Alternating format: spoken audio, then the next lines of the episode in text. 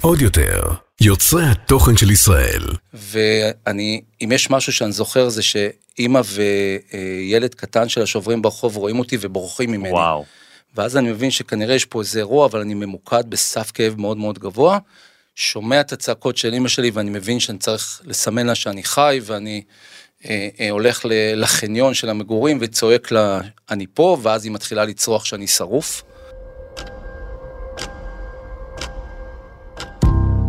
היי, וברוכים וברוכות הבאות לפודקאסט המעבדה להגשמת חלומות. אם אתם מאזינים נאמנים של הפודקאסט, אתם בוודאי יודעים שהוא מורכב ממספר סוגים של פרקים. יש פרקים שהם שיעורים או מונולוגים שלי, יש פרקים שהם, בהם אני מארח אנשים יוצאי דופן שהגיעו להישגים כמו מירה ברנע גולדברג, דורון מדלי, יונה אליאן, לירז צ'רחי, אוהד חיטמן, ובהם אני מנסה לגלות מה מסתתר ברשימת החלומות שלהם. ויש פרקים כמו הפרק של היום, והוא על נשים או גברים שהגשימו חלומות יוצאי דופן, וננסה ללמוד מהם איך הם עשו זאת. האורח שהגיע אליי היום הוא איש צבא במשך, היה איש צבא במשך 22 שנים, ובגיל 23, כשהוא קצין צעיר בחטיבת גבעתי, קיבל הצעה להתמנות לסמנכ"ל בספורטן בפתח תקווה, שהיה שייך לרשת מרכזי ספורט גדולים. במסגרת תפקידו הוא ניהל כבר בגיל 23, 70 עובדים ותקציבי ענק, ללא ידע עסקי גדול, אבל כנראה עם יכולת אולי טבעית להניע אנשים, מיד נברר. לאחר שלוש שנים קיבל הצעה לעלות שוב על מדים והפך להיות מדריך ראשי של בית הספר לכושר קרבי בווינגייט, ולאחר כמה שנים זז לתפקיד של ראש מדור אבטחה בצה"ל. משם עבר לבור של המטה הכללי, ומשם התגלגל לתפקיד חדש, כראש הלשכה של ראש חטיבת המבצעים בצה"ל, עד שהגיע לשמש כראש הלשכה של המזכיר הצבאי של ראש הממשלה דאז, אהוד אולמרט. במשך שנתיים הוא ישב במשרד ראש הממשלה צמוד לראש הממשלה, וריכז את הפעילות לקראת הצגתה לראש הממשלה מול המוסד, השב"כ, צה"ל וכל מיני גופים שאי אפשר לדבר עליהם.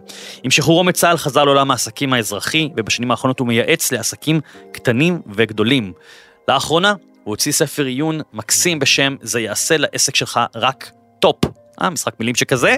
אה, כלים פרקטיים להצלחה אישית ועסקית שמתעד תהליכי ליווי וייעוץ עסקי אמיתיים, שקריאה בספר מקנה באמת הרבה מאוד חומר למחשבה, כלים מעשיים וטיפים. בגיל 26 האורח שלי נקלע לשרפה, ששרפה כמעט את כל גופו והייתה בעצם רגע מכונן בחייו, הוא כותב על זה גם בספר, גם מיד על זה נדבר, וגילוי נאות, את האורח שלי הכרתי במסגרת קורס הכתיבה שלי, מחדדים את המקלדת לפני כשלוש שנים בערך, הוא הגיע במטרה לכתוב ספר, ובערך אחרי המפגש השני אני אמרתי לו, יהיה לך ספר. וזה לא משפט שאני אומר לכל אדם שאני פוגש, אלא לאנשים שאני מזהה בהם מידה של נחישות, רצינות וחתירה למצוינות. וכל זה סיבה מספיק מוצלחת להזמין אותו לשיחה על הטעויות הגדולות והקטנות של בעלי עסקים, וגם לדבר על רשימת החלומות שלו. אז ברוך הבא, שלום גינזבורג. תודה רבה, מאוד מאוד שמח להיות פה, תודה על הזכות הזאת. איזה כיף, תודה לך. ו- ואני אתחיל רגע עם, ה- עם באמת עם רגע דרמטי בחייך, הוא גם פותח את הספר שלך, השרפה. היית בן 26 כשזה קרה, בוא ככה תספר לי מה, מה קרה, באיזה סיטואציה זה תפס אותך. אז הייתי בן 26, וכמו שהתחלת לתאר, בשיא פריחה מקצועית, סמנכ"ל, מנהל עובדים, תקציב גדול, ואני מגיע לבקר את הוריי ביומם הראשון בבית החדש שלהם בפתח תקווה. אבא שלי, זיכרונו לברכה, הגיע ישר מבית חולים אחרי אירוע הלב השלישי שלו, אה, זאת אומרת, ומגיעים... יום חג, אבא חוזר מבית חולים, אבא חוזר מבית חולים, דירה, זה, אימא שלי החרוצה וחרוצה עד היום כפר, עליה Mhm. כבר פרקה קרטונים ושמה אותם בחדר המדרגות, ואין חשמל.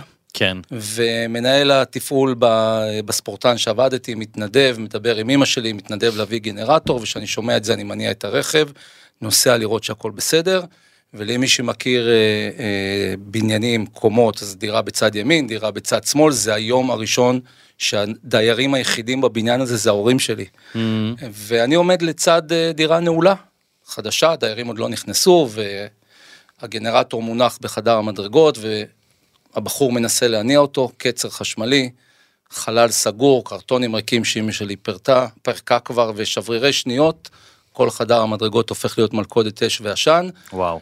ההורים שלי אה, עומדים בפתח הדירה שלהם, אז נכנסו פנימה ולא קרה להם כלום. אותו בחור נפגע קצת ביד מהנאה, אבל גם נכנס לדירה של ההורים שלי, ואני פשוט מוצא את עצמי לחוד, צמוד לדלת נעולה, צמוד לקיר. וואו. אה, ממש מהר מאוד לא יכולתי כבר אה, לדבר, בהתחלה קצת צעקתי, אבל שאפתי המון עשן וכבר לא יכולתי לדבר. והנה צומת אה, החלטה שאני מניח שעוד נדבר פה עוד הרבה על צמתים כן. כאלה, אבל פה זה צומת לא עסקית, אלא צומת Mhm. של חיי, שאני צריך להחליט, או שאני כופה במקום וכנראה מסיים את חיי, או שאני עושה איזושהי פעולה ואני פשוט מחליט לברוח דרך האש החוצה, מנסה קצת עם חולצה אה, לכסות את הפנים, לא כל כך בהצלחה. דרך אגב, בגדים חדשים שאותו בוקר קניתי, וואו. מנעליים, דרך ג'ינס חדש, דרך חולצה חדשה, הכל חדש דנדש, ופשוט בורח דרך אש החוצה לחדר המדרגות, אף אחד לא רואה את זה כי הכל עשן ואש, כן. ואני שומע את הצעקות של אימא שלי שבטוחה שסיימתי את חיי, אבל אני לא יכול לענות, כי שאפתי כמויות מאוד גדולות של עשן. אה, יורד למטה ובאינסטינקטים שלי אה, רואה ברז, פותח אותו, מתיישב מתחת למים. אני לא רואה איך אני נראה כמובן, אבל זה רמת כאבים, אנשים שואלים אותי, אי אפשר לתאר כאב של כוויות. אתה לא יכול להגיד כואב מאוד, כואב המון, זה סוג של כאב שאי אפשר לתאר אותו. ואני, אם יש משהו שאני זוכר זה שאימא וילד קטן שלה שעוברים ברחוב רואים אותי ובורחים ממני. וואו. ואז אני מבין שכנראה יש פה איזה אירוע, אבל אני ממוקד בסף כאב מאוד מאוד גבוה. שומע את הצעקות של אמא שלי ואני מבין שאני צריך לסמן לה שאני חי ואני אה, אה, הולך ל- לחניון של המגורים וצועק לה אני פה ואז היא מתחילה לצרוח שאני שרוף. ואני מבין אה, שאני אמנם לא רואה אבל כנראה שאני במצב ממש ממש לא טוב. מן הסתם אתה עובר לבית חולים. אני תוך שניות מוצא את עצמי באמבולנס, באמבולנס גוזרים לי את הבגדים לראות באיזה אזורים אני כן. נפגעתי או לא נפגעתי, חדר מיון, בכוויות אתה ישר משאיפת העשן מתנפח, אז מחדירים לי דרך הגרון אה, אה, פלסטיק מיוחד כדי שאני לא אחנק, והדבר הבא משם שאני זוכר זה שאני מתעורר אחרי שבוע בטיפול נמרץ, חבוש כולי, רק הקצה של האף בחוץ, ידיים חבושות, אני לא יודע איך אני נראה. אה, ריח של שריפה, כי עד היום יש לי עדיין צלקות פה שהיו מתחת לאף, אז שלושה חודשים הסתובבתי עם ריח של ל"ג בעומר, כל וואו. תקופת האשפוז. וגם אגב אני רואה בידיים. כן, אבל ב- ב- מצלמה. בידיים עברתי השתלות, אבל בשלב הזה אני לא רואה כלום, כי הכל אוקיי. חבוש. כלומר אתה, אתה, כלומר אתה מתעורר אחרי שבוע שאתה מורדם בשבוע הזה? אני מורדם בשבוע הזה, אח שלי הגיבור שהיה שומר הראש שלי חותם להם Mhm. וחוסך לי המון זמן וכאבים, ואני מתעורר כבר אחרי שניתחו אותי ועשו לי אוקיי. השתלות. כלומר ואתה עדיין לא יודע מה מצבך, לא- אתה לא רואה את הפנים שלך, לא יודע כלום. מה קורה כשמסירים לך את התחבושות? אה, אני עובר מטיפול נמרץ למחלקת כוויות, אה, והפעם הראשונה שאני נחשף לאיך שאני נראה זה שבבוקר צריכים להכניס אותי למקלחת, אין לי תפקוד בידיים, אני לא יכול לקפל את הידיים, מיטת מנוף שמרימה אותי לאמבטיה ואחיות שמקלחות אותי ומורידים לי את החבישות. ומה אתה רואה? ואני רואה בידיים עם 50 סיכות בכל יד ששיטחו לי אור מהשתלות מהירכיים, ורואה במראה שחור. וואו. כל הפנים, הייתי בלתי ניתן לזיהוי, וואו. אה, והנה עוד צומת. אה, עכשיו, אין יכולת לתפקד, הידיים שלי לא מתפקדות, הפעולות הכי בסיסיות של אוכל ושירותים ומקלחת כמובן. מקלחת היה במשך חודשיים שלושה סיוט חיי, כי היום אני יודע בדיעבד כבוגר רפואה במרכאות, שהמגע של האוויר עם אור אחרי כוויות, אז זה היה סיוט חיי, וכל בוקר 42 מעלות חום. ואני נגלה למראה הזה, ועוד פעם צומת שאני צריך להחליט, או שאני מתפרק או שאני אומר רגע רגע רגע, זהו, אתה בן 26, לפי מה שכתוב בספר, גם אתה, אתה בזוגיות לפני חתונה שאמורה להיות באופק. אני בן 26, חמישה חודשים לפני חתונה, וכולם בהיסטריה סביבי, והדבר היחיד שאני שואל את אה, הרופא, אחד הרופאים שם שאני בקשר איתו עד היום, איש כן. נפלא, דוקטור בדני, האם בשישי לחמישי תהיה חתונה? ואף אחד לא מבין מאיפה התעוזה והאומץ לשאול, כן. ואני זוכר שלוקחים אותי לניתוח נוסף של השתלות, ואני מבקש ומנפחים לי בלון, אה, כפפה בצורת בלון, ואימא שלי בלחץ. דרך אגב, אבא שלי כתוצאה מהאירוע, אני במחלקת כוויות, הוא קומה מעליי במחלקת לב, וואו. כי הוא לא הרגיש טוב. ואני על המיטה בדרך לניתוח השתלות נוסף, וכולם בהיסטריה, ואני אומר להם, אל תדאגו, הכל יהיה בסדר, תשאל אותי מאיפה, אנחנו כנראה תכף נדבר על זה. כן. ומתחיל מסע של חיי. מאחד שהוא עצמאי, איש אה, ספורט, אה, המילה תלות רחוקה ממני והלאה, ואני צריך להיות בתלות מוחלטת כי אני לא יכול לעשות שום פעולה. אני צריך להתמודד עם מצב חדש, אני צריך אה, להתמודד עם סיטואציה שרחוקה ממני שנות דור. שלושה חודשים של אשפוז, ועוד אה, שנה, שנה וחצי עד שחזרתי להיות אה, בן אדם. כן.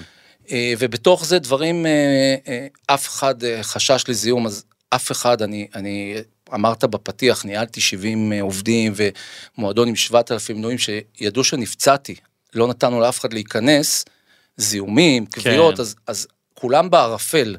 יש לי שומר, יש צמוד אח שלי שצמוד ולא נותן לאף אחד להיכנס. אה, ואני משתחרר ומחליט, אה, למרות שקיבלתי חצי שנה חופש מחלה, באותו יום של השחרור, בוקר אחרי לחזור לעבודה. לא יכול לנהוג, ואימא שלי אומרת לי, אתה לא נורמלי, אתה משוגע, ואני מצולק, ואני עם חבישות לחץ, היום יש כחול לבן, אז הזמינו מאוסטרליה, וכל שלושה חודשים צריך להזמין. Okay. אוקיי. ואני מתייצב במקום עבודה, 70 עובדים, 7,000 מנויים, מצולק, חבישות לחץ. יכול לעבוד מבחינת כשירות רק חצי יום, כי לא היה לי כוח יותר זה, וחוזר בערב הביתה ואומר להם, תעזרו לי ללבוש בגדי ספורט, אני הולך לרוץ. וואו, אתה יודע, אז, אז, אז אפשר עוד לדבר על האירוע הזה, אבל, אבל יש כל כך הרבה דברים לדבר איתך, אז אני, אני רגע מניח את זה בצד, מי שירצה יקרא בספר את, את כל הסיפור המלא, אבל מאיפה מוצאים את כוחות, ה... את הכוחות האלה? לקום, לתפקד, אה. להתחתן? התחתנת בסוף? כן. כשאתה מאופר כולך לפי מה שקראתי בספר, כן, כן. אה, יותר מהקלה כנראה, נכון? הרבה יותר. אה, לחזור לעבודה, להישאר בחיים, זאת אומרת, אתה יודע, אני, אני שואל אותך גם כיועץ, אנחנו תכף נגיע לעשייה שלך, אנשים uh, מרימים ידיים על uh, עסק שקרס להם, על 50 אלף שקל חובות, אנשים uh, מאבדים את זה. מאיפה הכוחות? אז אני רוצה לתת פה קרדיט ענק, נכון שיש בסוף, אה, ונדבר על זה גם פה הרבה, מי זה שלום, אבל כן. אני רוצה לתת קרדיט ענק לבית שגדלתי בו. אני גדלתי בבית של אבא, זיכרונו לברכה, שכיר, עובד עיריית פתח תקווה 40 שנה, יוצא ב-6 בבוקר, חוזר בלילה, לא היה מעורב המון בחינוך, אבל איש של פעם, ניסיון mm-hmm. של פעם, אבל, אה, ואימא שאמרה שמשימת חייה זה הילדים, ולא יצא אף פעם לעבוד. וגדלתי בבית שהסביבה של אה, מוגבלויות, טיפולים, מהיום שאני זוכר את עצמי, אמא שלי כל החיים שלה, דרך אגב, עד עצם היום הזה, הייתה מטפלת. סבתא שלי, זיכרונה לברכה, שכל מחלה שאתה רוצה, והדודה ההיא והדודה פה. כן. וגדלתי בבית שהעולם הטיפולי, העולם של מוגבלויות, סבתא שלי הייתה 100% נכה, גרה איתנו mm. בבית. ואחרי זה הדוד, שאשתו נפטרה, עבר לגור אצלנו בבית, אז, אז הסביבה הזאת לא הייתה זרה לי. והדבר הבא שגדלתי, זה אימא שמדברת איתי רק על ערכים, על אמונה, על, על תעזוב רגע, אתה, אתה יכול, עכשיו, אנחנו נדבר על זה עוד הרבה, אבל תחת המעטפת של יועץ עסקי של הכל, יש המון ביישנות, המון אה, אה, דברים שהם אומץ. כן. ו- ו- ושעות של שיחות עם אמא שלי, שדרך אגב זה מה שאני עושה עם הבן שלי היום, שים רגע בצד, נגיע לציונים, ללימודים והכל, קודם כל ערכים.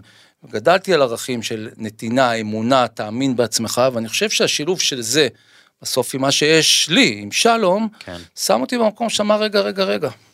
אתה תשים את זה מאחוריך. אני חושב שאני חייב רגע לסמן כאן משהו שאמרת, והאמת שאני שומע אותו אצל כל אחד מהאורחים והאורחות שמדברים על הבית שהם גדלו. זאת אומרת, או בית שהיטיב איתם והעניק להם ערכים ורוח גבית, אני יכול להעיד על הבית שלי, או בית שמנע מהם, ובכל זאת הם אה, הצליחו להגשים חלומות, אבל אני חושב שאחד הדברים ש...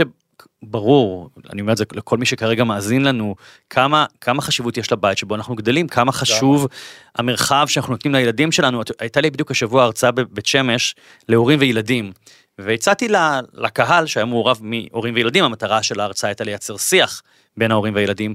אמרתי להם, אתם יודעים, יום אחד הלכתי לישון, לפני הרבה מאוד שנים, כשהבת הגדולה שלי הייתה קטנה, בת חמש-שש, ועשיתי כזה חשבון נפש לפני השינה. ואמרתי לעצמי, וואו, כמה פעמים אמרתי לה היום לא. אל תיגעי בזה, אל זה, אל תפתחי, אל תאכלי, לא עכשיו, לא זה, לא, לא, לא. ממש לא כיף לגדול בלא. נכון. ואמרתי, קיבלתי החלטה שאני אשתדל להימנע מלהגיד לא לבנות שלי, אה, ברור שיש דברים שצריך להגיד לא, אבל ולשים גבולות ולהיזהר, אבל יותר לזרום, והצעתי הצעה לילדים, אמרתי להם, להורים, אמרתי, הורים, בואו נקבע יום בלי לא. אז כל הילדים, יש, יש, אמרתי, ילדים תירגעו, יש גם לכם הצעה כזאת, יום בלי לא, מה זה, אבל, אבל זה זה, זאת אומרת, כשאתה מספר, הנה, אדם ש, שעבר תופת של, של שריפה שנשרף, ומצליח בין השאר אה, להיות אופטימי, לשרוד, לתפקד, הודות לערכים מהבית. אני רוצה רגע, ברשותך, עוד נקודה על כן. הבית הזה, כי אני גם גדלתי בבית שלא היה בו לא, ואני מזכיר לך שזו תקופה שלא היה מכון להדרכת הורים וסופר נני, mm. הייתה אימא עם המון המון אינטואיציות של אימא, בגיל כן. 18 הייתה אימא לאח שלי, בגיל 20 וחצי אני הגעתי, אח שלי ביי דה בוק, אני החזרתי בריבית דה ריבית, mm-hmm. אבל בית של שעות של שיחות עם אימא שלי שהם לא לא. הם הסבר וערכים, ודרך אגב, זה לא הנושא שלנו ולא נרחיב על זה, אבל מי שירצה אני אשלח לו את הקישור, לראות איך ראם הבן שלי בן 12 וחצי לפני חצי שנה בשידור ישיר בערוץ 12, שעמד מול בית ספר שלם, מול מנהלת, מול סגנית מנהלת, מול מורה שדיבר גזענות בכיתה והוא לא הסכים לקבל את זה. וזאת הדרך שאני מאמין בה, והוא גם ידע, הוא עשה את זה, והוא אפילו אמר את זה למנהלת, זה לא יעבור לסדר היום, אני יודע שאבא שלי יטפל בזה. Hmm. ו- וכתוצאה מזה הזמינו אותנו לשידור ישיר אצל עודד בן עמי, ואחר כך רסקין, וזה מדהים לראות ילד בן 12 וחצי, יושב באולפן, כן. בשידור ישיר, אבל מלא ערכים, ויודע שיש מישהו מאחוריו, וזאת הדרך שאני עושה גם עם בעלי עסקים שאני מלווה, ואנחנו וזה כנראה ניכר, נגיע וזה לזה ניכר בהמשך. ב- בטקסט שכתבת שהוא מלא ערכים ו- ונדבר על זה כי גם לי יש הרבה מה לומר בנושא. סתם אני ככה, אתה יודע, אומר בחצי חיוך, תמיד שואלים אותי כל מיני אנשים ששומעים את ההרצאות שלי, כי כמו שאתה יודע, האירוע המחולל שלי היה תאונה שעברתי ונכות, אז תמיד אומרים לי, תגיד, מה, כל אה, אדם שהוא יועץ, קואוצ'ר, מנטור, כל הדברים האלה, מה, כולם צריכים לעבור איזושהי תאונה ו- וכולי, אז מה, אז כולם צריכים לעבור תאונה כדי להבין משהו על החיים? לא, אני לא חושב, אבל אני כן חושב שכל אחד צריך רגע להסתכל ימינה-שמאלה. לצערנו במציאות שאנחנו נמצאים בערך כל שעה קורה משהו, לגמרי. ולשים את הדברים בפרופורציות ולהגיד, בוא לא נחכה שיקרה משהו. ממש, אנחנו לא צריכים לחכות, למה אנחנו צריכים לחכות משהו? בוא, לא חסר ממה ללמוד לטוב ולרע. ברור. אז למה אני צריך לחכות שירד עליי הפטיש? כן, בוא- תמיד אני אומר, הייתה קורונה, הבנו כמה חיים שבריריים, בישראל כל חצי שנה יש סבב לחימה, אבל אתה יודע מה שלום, אני חושב על זה שכנראה שעד שזה לא פוגש אותך, על בשרך במקרה הזה, על בשרי במקרה שלי, ויש עוד דוגמאות לכל מיני מרצים ומרצות, עד שזה לא פוגש אותך, כנראה שאתה, אתה יודע, אין חכם כבעל ניסיון. אבל אותי זה לא שינה, אני חייב להגיד. אותי זה ההפך, זה חיזק אותי שהדרך שאני הולך בה, היא הדרך. דרך אגב, אני, אני מהרגע שאני זוכר את עצמי מתנדב עם בעלי מוגבלויות בספיבק, עם שיתוק מוחין, Mm-hmm. אתגרים עם אנשים על הרצף, ובגלל זה אמרתי שגם זה לא פגש אותי במקום זר, אבל התהליך הזה של השלושה חודשים בית חולים, כן. שנה וחצי, שנתיים שיקום, שדרך אגב, בשנה, שנתיים וחצי האלה, כל יום שישי הייתי מתייצב במחלקת קביעות לפגוש משפחות, להגיד להם, הנה, אפשר גם אחרת. Mm, מדהים. אותי זה לא, לי זה לא גרם להגיד, רגע, עברת אירוע, תשנה דרך, אלא כן. זה אמר לי, רגע, הדרך שאתה פועל בה, היא הדרך, היא מוכיחה את עצמה. כן. אני, אני עושה קפיצה בביוגרפיה, אנחנו נחזור קדימה ואחורה, כי אתה בעצמך זזת קדימה ואחורה עולם העסקים, כן. צבא, צבא, עולם העסקים. כן. עוד אירוע מכונן עסקי שהיה לך, זה בערך לפני עשור, אתה בעל זיכיון של, אה, של אה, אה, חדר, של שיטה, נכון? של- סטודיו. לאימוני כושר, שיטת EMS מגרמניה, שיטה כן, ייחודית. כזה של פולסים וכולי כן, וכולי, תמיד זה כן. לכל העצלנים נראה לי, נכון? כזה, אה, לא? זה, זה התפיסה, כן, בפועל זה אימון שפותח לצרכי אסטרונאוטים בנאסא, שלא. יכולים לקחת איתם לחלל משקולות. אוקיי. אין, אין כל... זה, זה מסוג הדברים כזה שאתה מתחבר וזה 20 דקות כן, כזה, 20 דקות, כל זז, הגוף עובד. זה עובד? זה עובד? מדהים, מדהים. מדהים, אני שיניתי לאנשים חיים. אבל, אבל, אתה פותח חדשות, כן. ובחדשות, מהדורת החדשות המרכזית, אה, יש כתבה צרכנות ומודיעים שהשיטה הזאת היא שיטה לא בריאה, מסוכנת וכולי וכולי.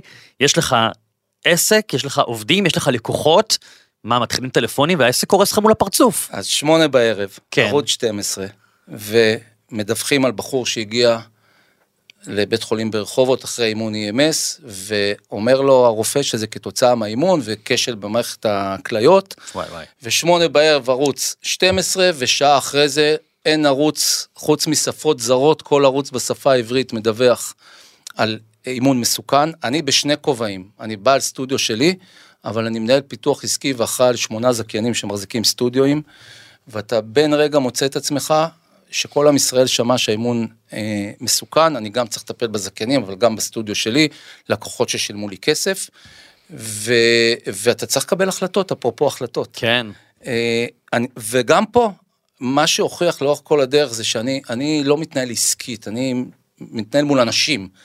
ו, וגם אני וגם הצוות שלי, וזו ההנחיה שלי הייתה, ומאוד מאוד הקפדתי על זה, שמערכת היחסים עם הלקוחות שלי היא מערכת יחסים אישית. Mm. אימון הם יכולים לעשות בכל מקום, אז אחד יעשה EMS, אחד יעשה TRX, אחד יעשה פונקציונלי, הם באים אליי, לשלום, ומה שקרה כתוצאה מה, מה, מהקשר ההדוק הזה שהם הסכימו לא לבטל את המנוי אלא להקפיא אותו כי ידעתי שזה עניין של זמן שאנחנו נעבור את זה ועורב פה עורך, אה, אה, אה, עורך דין וכולי וכולי.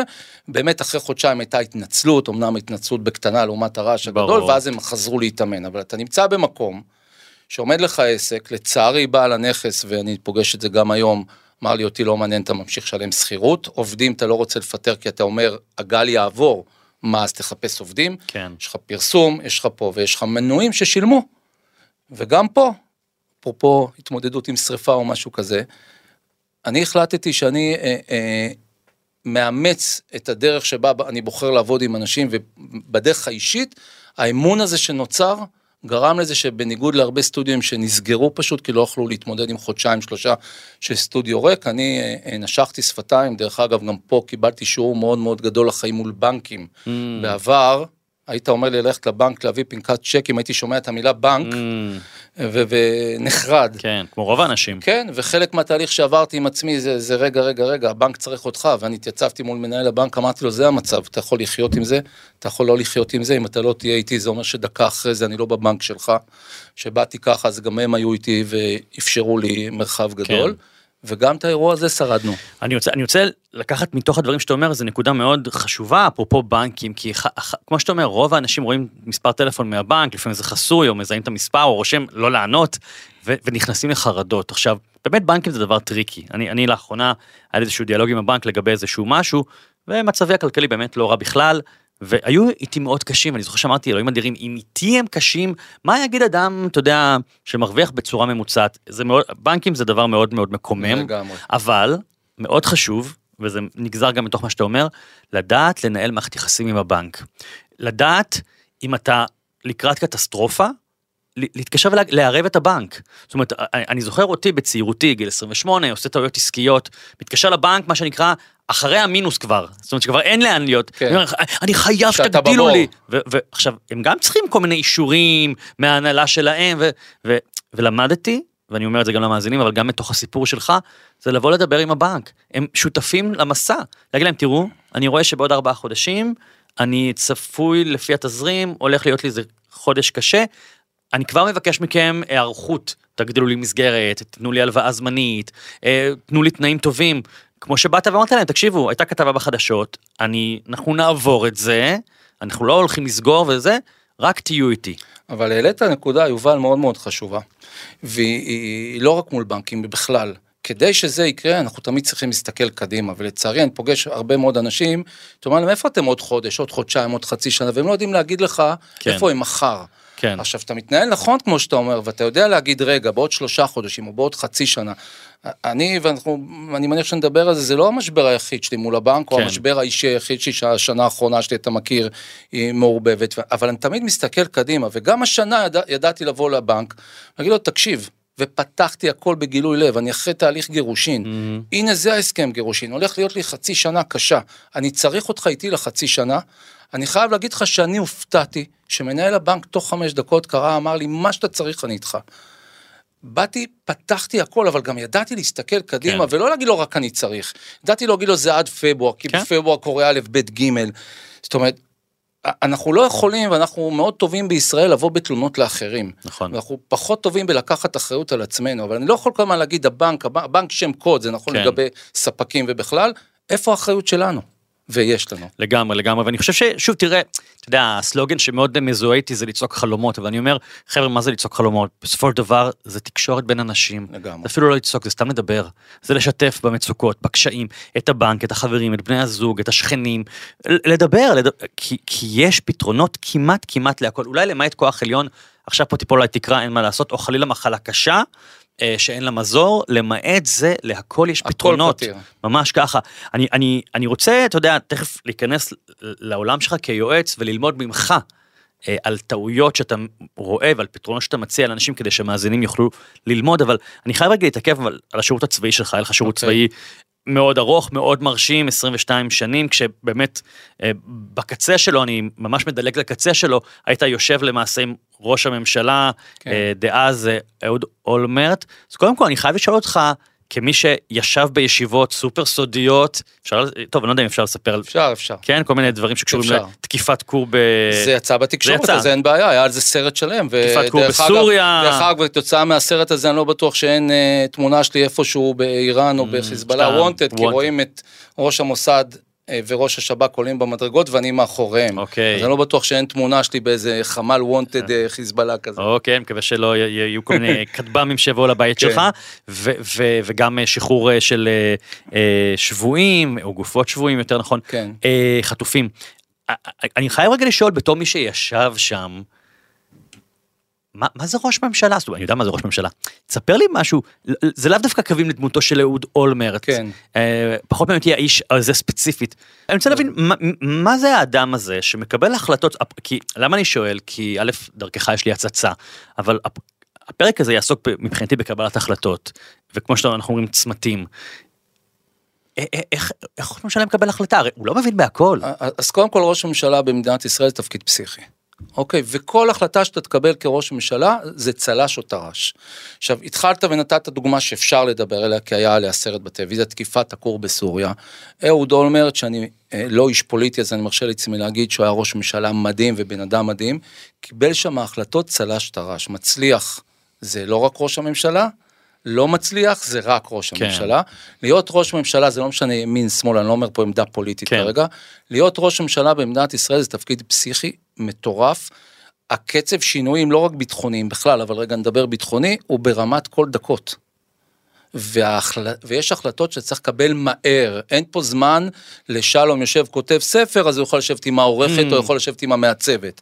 יש החלטות שהן ברמת אה, אה, אה, דקות, ומעבר לזה הן החלטות שיש להן השפעות ואתה לא יכול לנטרל אותן. תן לי דוגמה, לא- לאו דווקא, כל- תמציא אפילו סיטואציה, יש לא- עכשיו, לא לחשוף יש סודות. עכשיו אירוע חס וחלילה אה, אה, פיגוע מאוד מאוד גדול שחס וחלילה חס וחלילה נהרגו בו עשרות אנשים וזה היה. כן, רמת קבלת ההחלטות צריכה להיות מיידית לא רק על תגובה, מה ההשפעה, ראש הממשלה לא יכול להיות מנוטרל ולהסתכל רק ביטחוני.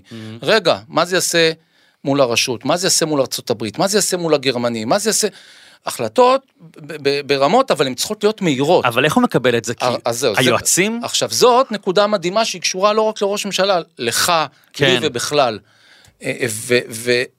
ומי הצוות שאתה מרכיב? Mm, ואני יכול להגיד שלזכותי, אחת החוויות הכי מדהימות שלי שהייתה שם שלישייה, מאיר דגן זיכרונו לברכה, ראש מוסד, יובל דיסקין המדהים, ראש שב"כ, גבי אשכנזי, אה, אה, אה, אה, רמטכ"ל, שהם היו כל כך כוח שאפשר לסמוך עליו, שאהוד אולמרט ידע שכל החלטה שהוא קיבל, הוא קיבל החלטה שצוות הכי טוב מאחוריה, זה נכון לעסקים שתכף נדבר על זה, כן. וזה נכון ללמה לא נכון להיות לבד. אז, אז אתה יודע, זה, זה ממש, אה, אני, אני בדיוק בשלבים האחרונים של העבודה על הספר החדש שלי שנקרא הפריצה.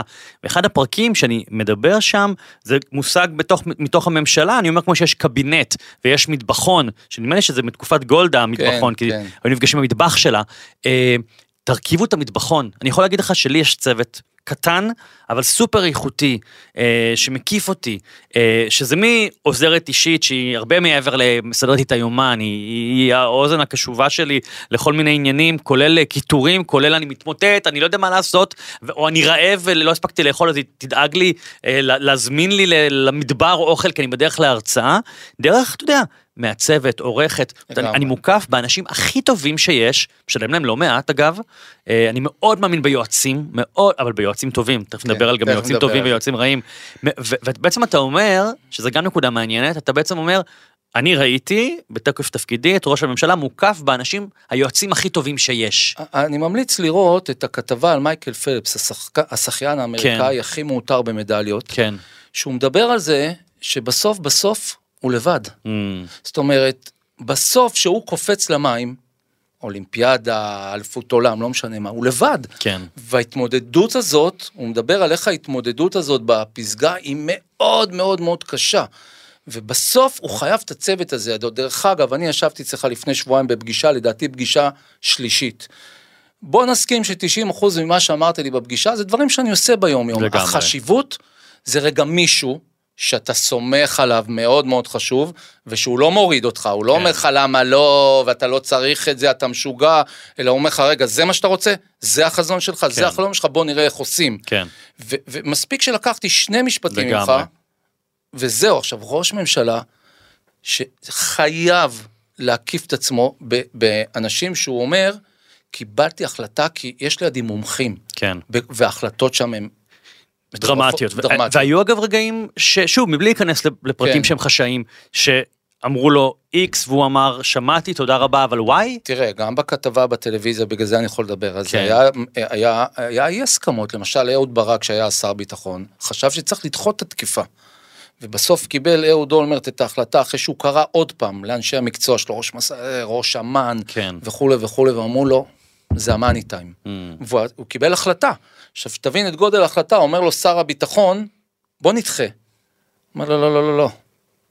אמר לי ראש מוסד, אמר לי ראש אמ"ן, אמר... אז כן, יש החלטות, בגלל זה אמרתי צל"ש טר"ש, כי תאר לעצמך כן. שזה לא היה הולך. היה יכול להגיד שר ביטחון, אני כממונה על מערכת הביטחון. כן. אמרתי בוא נדחה. יש שם החלטות דרמטיות, וכן, ולפעמים הוא צריך לקבל החלטות שמנוגדות. כן. כי, כי הראייה שלו היא לא נניח רק ביטחונית. כמו שאמרתי, יש פה הרבה, הרבה, הרבה שיקולים, אני הייתי אחראי על איזה תחום שעליו לא נדבר, כן. שיכול לעורר תקריות בינלאומיות, כן. שהוא חייב לקחת את זה בחשבון לפני קבלת החלטה, גם אם ראש מוסד, רמטכ"ל, שר ביטחון, אמרו לו זה, זה נדרש. כן. אגב, אני, אני חייב להגיד, הזכרנו פה שמות, ו- ושוב, בלי להיכנס לימין ושמאל נכון, ובעד נכון. ונגד, אני חייב להגיד איזה מילה טובה אחת על ביבי, כי אוהבים בשנים האחרונות, אה, בצדק או שלא, אני שומר פה על ניטרליות, אה, לתקוף אותו. אני כל פעם, אני אומר, שאפו על הבן אדם, שבסופו של דבר, קם בבוקר ולכאורה, אני לא יודע, אני לא נמצא בתוך המשרד, לכאורה מתפקד. זאת אומרת, יש הפגנות, יש שנאה, יש גם תמיכה, יש לחצים, והבן אדם קם בבוקר ועובד. זאת אומרת, המדינה סך הכל עובדת. להיות ראש ממשלה במדינת ישראל אתה צריך עמוד שדרה מאוד מאוד חזק, עוד פעם, כמו שאמרת, לא משנה אם קוראים לו כן. ביבי, אולמרט, ימין, שמאל, זה תפקיד שאם אין לך עמוד שדרה חזק, אתה לא שורד אותו. אז אני רוצה לשאול אותך ולעבור בעצם לעשייה הנוכחית שלך כן. בשנים האחרונות, שזה באמת יועץ לעסקים קטנים, בינוניים, גדולים. אה, מה לקחת מהשירות הצבאי, מהעבודה הזאת שלך, בעיקר מה, באמת מה, מהנקודת שיא הזאתי, בעבודה צמודה שם לכל האנשים שציינת כאן, מה לקחת לעולם העסקים? אני יכול להגיד שאחד הדברים העיקריים שמובילים אותי זה לא לשכוח שזה אנשים, זה לא בעלי עסקים. אוקיי, זה אנשים ואיך גורמים להם גם לרתום אותם להאמין בי, אבל לא לשכוח, יש להם עובדים, יש להם משפחות, יש להם ספקים, ולשים בצד את המילה עסק. יש פה בן אדם. Mm, ו- ואני יכול להגיד שבכל התפקידים שלי, אה, אה, הסיבה שאנשים, דיברת על גיל 23, סמנכ"ל, לא היה לי ידע עסקי. היה לי את היכולת לגרום לאנשים ללכת אחריי, מאמנים, ספקים, הכל. גם בעולם, מה, מה זה אומר? מה, מה היה? מה, אישיות, ערכים, מה? כן, בוא ניקח אותי, תסכים איתי, ואתה מכיר את העולם שלי, כן. שכל אמירה שלי יכולה לפרק בן אדם. נכון. אם אני ממליץ לבן אדם, תשקיע כסף על שיווק, תיקח הלוואה, תשקיע 5,000 שקל על מיתוג, אני יכול לפרק לו את העסק ואת החיים. לחלוטין. אם הוא לא מאמין בי ב-100 אחוז, אני יכול לפרק לו את החיים. עכשיו, כנ"ל הוא כלפי האנשים שלו, ולכן אני הולך להגיד פה אמירה, ויסלחו לי ספקי המיתוג, שיווק, מכירות, משפכים, תכנים, משפכים. משפכים, ואני לא מזלזל בזה, אני באופן אישי נמצא בעולמות האלה, כן. זה לא מדאיג אותי. כן. הכל יושב על האישי. Mm, ש- שהאישי חזק, שאני ממוקד, שאני בפוקוס, המיתוג, השיווק, המכירות יקרה, אני אביא את האנשים הטובים, תכף נדבר גם על זה, מה זה טובים, כן. לא טובים. אז, אז אני יכול להגיד שמה שמלווה אותי לאורך כל הדרך, ולדברי אימא שלי מגיל שמונה חודשים, בגיל שמונה חודשים הלכתי כמו היום בלי ליפול, מהמם. יכולים להיכנס ליוטיוב, לרשום אני וסביבתי, לראות אותי בכיתה ג' מככב בסרט באוניברסיטה הפתוחה, ותמיד מה שגרם לזה זה הצד האישי, ש, שגרמתי לאנשים להאמין בי.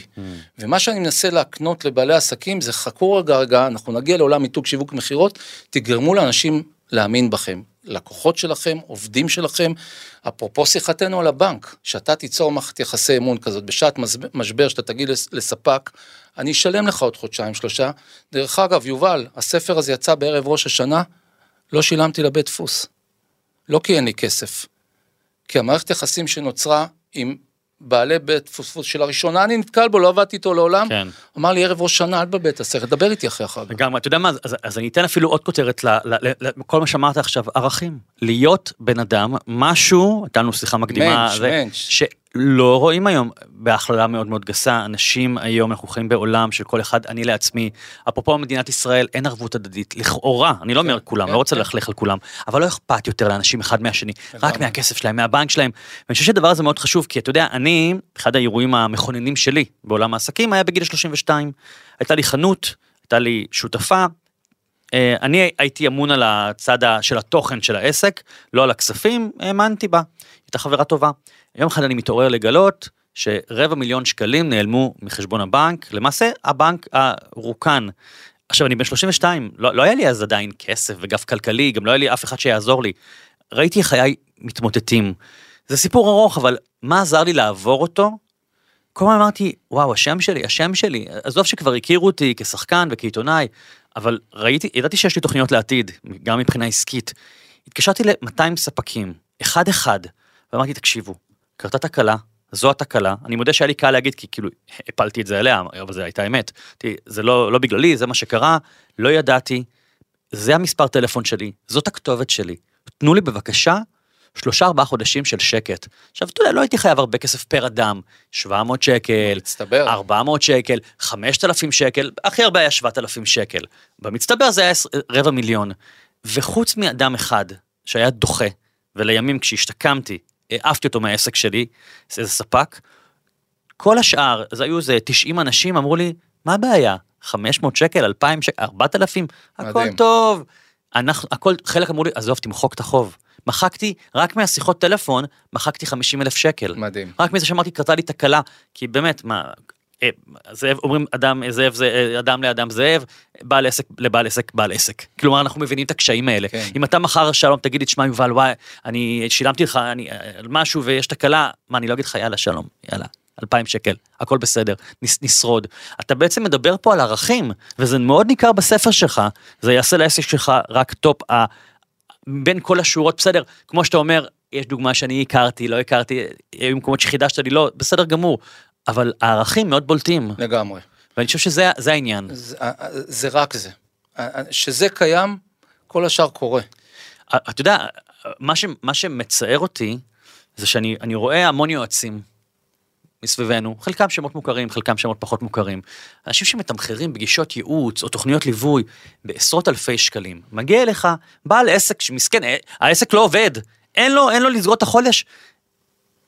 מה, מה עושים? יש תופעה של שרלטנות, איך יודעים איך לקחת יועץ טוב? אני לא סתם לקחתי אוויר. כן, ולא סתם גם הזמנתי אותך אגב. כן, אז אני לא סתם לקחתי אוויר, אני, אני אומר את זה בצער רב, ואני, בלי להזכיר שמות, הייתי בתקופה מסוימת גם חלק של מאחורי הקלעים, הם, בנוסף לעסק שלי, של, באחת מחברות הייעוץ בארץ, ואני אחראי להכשרה של 500 יועצים עסקיים, גם פה אנשים אומרים לי, מה, הכשרת לעצמך מתחרים? לא, אף אחד לא יהיה שלום, אף אחד לא יהיה יובל, יש שפע, כל אחד יבחר את מי שהוא ברור. רוצה. אה, אה, אבל אני אומר את זה בצער שנוצרה תעשיית המנטורים בוא נקרא לה. עכשיו דרך אגב אני פחות מתייחס לכמה משלמים אני מתייחס למה מקבלים. Mm, זאת אומרת אה, אם שילמתי ולא אכפת לי כל סכום כן. ואתה יודע שאני תוך שנייה שאני מבין שיש ערך גם משלם. אני לא מסתכל על כמה שילמת אם יש ערך אני מסתכל על מה אתה מקבל. וכשאתה לוקח בעל עסק ששם בך את כל מבטחו ומוכן לשלם וגם שלוקחים הלוואה וגם אם זה ב-20 תשלומים או 50 זה כסף בסוף. ברור. ואתה לא נותן לו ערך ולצערי במקרים רבים אתה אפילו מחזיר אותו אחורה אז אני יכול להגיד שזה עצוב מאוד. ולכן לשאלתך איך בוחרים יועץ? קודם כל אני ממליץ לאנשים אה, אה, לא בגלל קביעות לא קביעות פיזיות Mm. מיועצים תחליטו שאתם לא לוקחים יועץ לגמרי. כי אני מאוד מאמין אני אישית למרות שאני עשר שנים בתחום הזה תמיד יש מישהו שהוא הסיור מוחות שלי גם אם לא בהסמכתו הוא יועץ. כן. עכשיו, קודם כל, בואו תשאלו, אל תתביישו לקחת. אני, אני תוך כדי שיחה, מרוב שאני יודע מה אנשים יגידו עליי, תוך כדי שיחה, אני אומר לו תוך כדי, שולח בוואטסאפ, מה אני אומר לו, מה אתה רוצה, חמישה, עשרה ממליצים? קודם כל, אל תתביישו. עכשיו, יועץ, והשאלות שצריכות להישאל אם קיבלת ממליץ, זה לא מה קרה שהכל טוב. מה קרה שהיה בעיות בעסק? כן. מה קרה שהיה בעיות בתהליך? אז קודם כל תבקשו ממליצים. מאוד מאוד חשוב, בואו תראו את הדינמיקה, זה אחד. שתיים, בחרתם יועץ, אני לא בעד לקחת יועץ שאומר לך אין כזה דבר, אתה חייב להיות איתי שלושה חודשים, אתה חייב Mm, להיות איתי חצי שנה, אתה. חייב להיות איתי שנה. תהליכים ארוכים. דיברנו, עכשיו, בואו לא נתבלבל, אני מאוד מאמין בתהליך ארוך, כן. כי בסוף זה קם ונופל על יישום והטמעה, אני יכול בחודש, חודשיים לכתוב. ספר עסק, כן. שאלה אם אני איישם אותו. כן. אבל מכיוון שזה מאוד אישי, למה מישהו צריך להיות עם יועץ בכוח כי הוא חתם איתו על חוזה? אם, אם, אני, דרך אגב, גם אני מהצד שלי, למרות שזה פרנסה שלי, אם אני לא נהנה בתהליך הייעוץ, אני אפסיק אותו. ברור. ולכן, לא לקחת מישהו שאומר לך, אתה חייב להיות איתי שלושה חודשים, אתה חייב להיות איתי חצי שנה. זה, זה כזה אינטימי, אני מכיר ברמה האישית מה קורה במשפחה של כל בעל עסק שאני מלווה, כן. והוא מכיר אותי. אני חושב שהמילת מפתח פה אמרת אינטימיות, זה מערכת יחסים מאוד ממש, אישית, מאוד ממש. אינטימית, זה צריך להיות חיבור וכימיה, ואני, אני, אתה ככה קצת מנומס, אבל אני אפילו יותר בוטה. אנשים, אני מסתכל פה על המצלמה, אנשים שמבטיחים לכם למלא את הקליניקה תוך 30 יום, אנשים שמבטיחים לכם הכנסה של 200 אלף שקלים תוך חודשיים, אנשים שמבטיחים לכם ספר תוך חודש ימים, הם שקרנים. אין מילה אחרת יותר יפה מזה. ו- אני וצריך אכפיל, אני אכפיל להיזהר. אותך תוך חודש, אני אכפיל אותך תוך חודשיים, אין, זה לא יקרה. זה עכשיו, נכון. דרך אגב, בוא נשווה את זה לעולמות אחרים. ברור שאם אני לא עושה ספורט ואני אקח מאמן כושר, תוך חודש, חודשיים יהיה לי תוצאות מדהימות. כן. ברור שאם אני שמן ואני אקח עכשיו דיאטנית, ברור שתוך חודש, חודשיים יהיה תוצאות, זה נמדד, אבל מה קורה עוד חצי שנה ועוד שנה, ועוד... והרבה פעמים מה שקורה, הרי כל פעולה שלא קרתה בעסק ועכשיו אני עושה, תוביל למשהו. כן. אז הרבה פעמים מה שקורה, באמת בחודש, חודשיים, שלושה הראשונים אתה אומר, וואו, מדהים, יש לי תוצאות. אתה מתחיל לקבל את הבומבות אחרי חמישה חודשים, אחרי חצי שנה, אחרי כן. שנה, ואז היועץ הזה שאמור להיות האינטימי, כבר לא נמצא איתך, אבל אתה שילמת לו את ה-140 אלף. ואת ה-100 אלף. אגב, אגב, אני 80,000. חייב להגיד, אין שום הצדקה בעיניי, זה כל אחד יתמחר כמה שהוא רוצה, יש לכל אחד אה, את הקהל שלו, אבל בעיניי, זו דעתי, זה לא מוסרי. מסכים איתך. לקחת מאנשים סכומים של עשרות אלפי שקלים. לליוויים ותוכניות, באמת, כאילו, זה, זה לא מוסרי. אני מסכים איתך. אין בעיה, אפשר לעבוד אחר כך על מועד, תשלים לי אחר כך אחוזי הצלחה, לא יודע, כל מיני קומבינציות אחרות, אבל כשבא אדם במצוקה, ובעיניי זה לנצל את המצוקה שלו. אני מסכים איתך לגמרי, הייתה לנו גם איזה שיחה, כמה שיחות על זה. מעלים אנשים לתודעה בכל מיני כנסים מעצימים ומקפיצים אותם על במות, כן. ונותנים להם לנפח בלונים, ואתה עולה לרמת אה, אה, תודעה מאוד מאוד גבוהה, וברמת תודעה הזאת אומרים לך, בוא, תשלם לי, אני אשנה לך את החיים, ואתה משלם, כמו שאתה אומר, סכומים אסטרונומיים, ובמרבית המקרים, לא, עוד פעם, בוא לא נכליל, כי, כדי לא לפגוע בהרבה מאוד טובים שכן קיימים, אנחנו פשוט פוגעים באנשים, וזה לא מוסרי. אני קורא לזה לסמם קהל. אני מסכים איתך. ואני מבקש כאן מכל מי שמקשיב לנו, ואני יודע שמקשיבים לא מעט אה, אה, יועצים וקואוצ'רים ומנטורים וכולי וכולי, שגם לומדים מהפודקאסט הזה, אבל גם בעלי עסקים אחרים, אל תבטיחו הבטחות שווא. אל תסממו את הקהל, שאם תצאו עכשיו ותקנו את זה, ו... כי אנשים, כמו שאמרת, באנרגיה קונים, אבל אז הם אומרים, מה עשיתי? למה שילמתי 7,000 שקל? אתה יודע שהאסטרטגיה השיווקית שלי, האסטרטגיה, זו לא אסטרטגיה, הגישה. אני אה, אה, אה, ששואלים אותי, תגיד, שווה לבוא לקורס כתיבה שלך, יהיה לי ספר, תגיד, שווה לבוא לתוכנית ליווי שלך, אני אומר, לא יודע, תיכנס לאתר, תקרא את דף הנחיתה ותרגיש אם זה מתאים לך. אבל רגע, אבל, אבל יהיה לי ספר, אני אומר, תקרא את דף הנחיתה. יובל, יושב מולך מישהו שלפני שלוש שנים שאל אותך, הקורס הזה מתאים? עכשיו, אני בא מהעולמות האלה, אני רגיל שאומרים, בטח, ברור, זה, ואמרת לי, תיכנס, תקרא, ממה שאני שומע, אני חושב שזה יכול כן. להתאים לך, אבל אני רוצה להגיד רגע עוד משפט. שכחתי שהייתה לנו כן, את השיחה כן, הזאת. אבל- לא, אבל מה שאני רוצה להגיד, כי אני מאמין שלקוח צריך לבוא כשהוא מרגיש שזה בשל. נכון לו, נכון. ולא כי, כי, כי, כי, מה האפקט? נגיד ואני אגיד לך, ברור שלום, תבוא לקורס הכתיבה שלי, יהיה לך ספר תוך חצי שנה, ואתה לצורך העניין אהבל, ולא יודע לכתוב, ואין לך מה להביא לעולם, אני אהיה תקוע איתך, אתה תהיה עבורי עונש. אז הרווחתי 2,500 שקל, אבל קיבלתי כאב ראש ממך. אז, אז את, על מי עבדתי? עליי. אבל אני רוצה להגיד פה עוד משהו, שאותי שואל בעל עסק ואומר לי, אני לוקח אותך לדרך, רק אם אתה מתחייב לי לתוצאות, אני לא יוצא איתו לדרך. Hmm. אפרופו האחריות שדיברנו כן. עליה. אני אשכב על הכביש עבורו בדרך, אבל בוא נגיד שבניתי לו תסריטי שיחה, אני מאמן אותו למכירות והוא לא מיישם ומטמיע את זה, אני יכול להיות אחראי לתוצאות?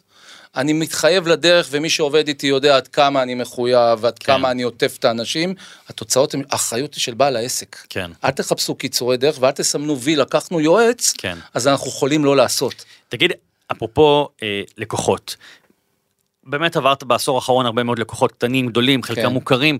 מה הטעויות או הטעות הנפוצה שאתה פוגש אצל עסקים שמגיעים אליך?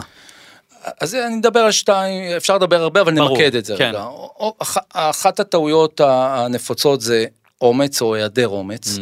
זאת אומרת, מי כמוך יודע, ואני בעצמי עובר את זה, וזה שאני יועץ, אין לי פטור מלנהל עסק, ברור. מלמתג, מל- להפך, של האחריות כ- אה, כבדה. אז הנושא של אומץ, אתה רוצה להצליח, אתה צריך לקחת סיכונים. מהמם. ואנשים רוצים להצליח, ולפעמים לא רוצים לקחת סיכונים. סיכון יכול להיות איש שיווק, סיכון יכול להיות יועץ, סיכון יכול להיות להגשים את החלום ולהקים את העסק, כן. עצם הקמת העסק.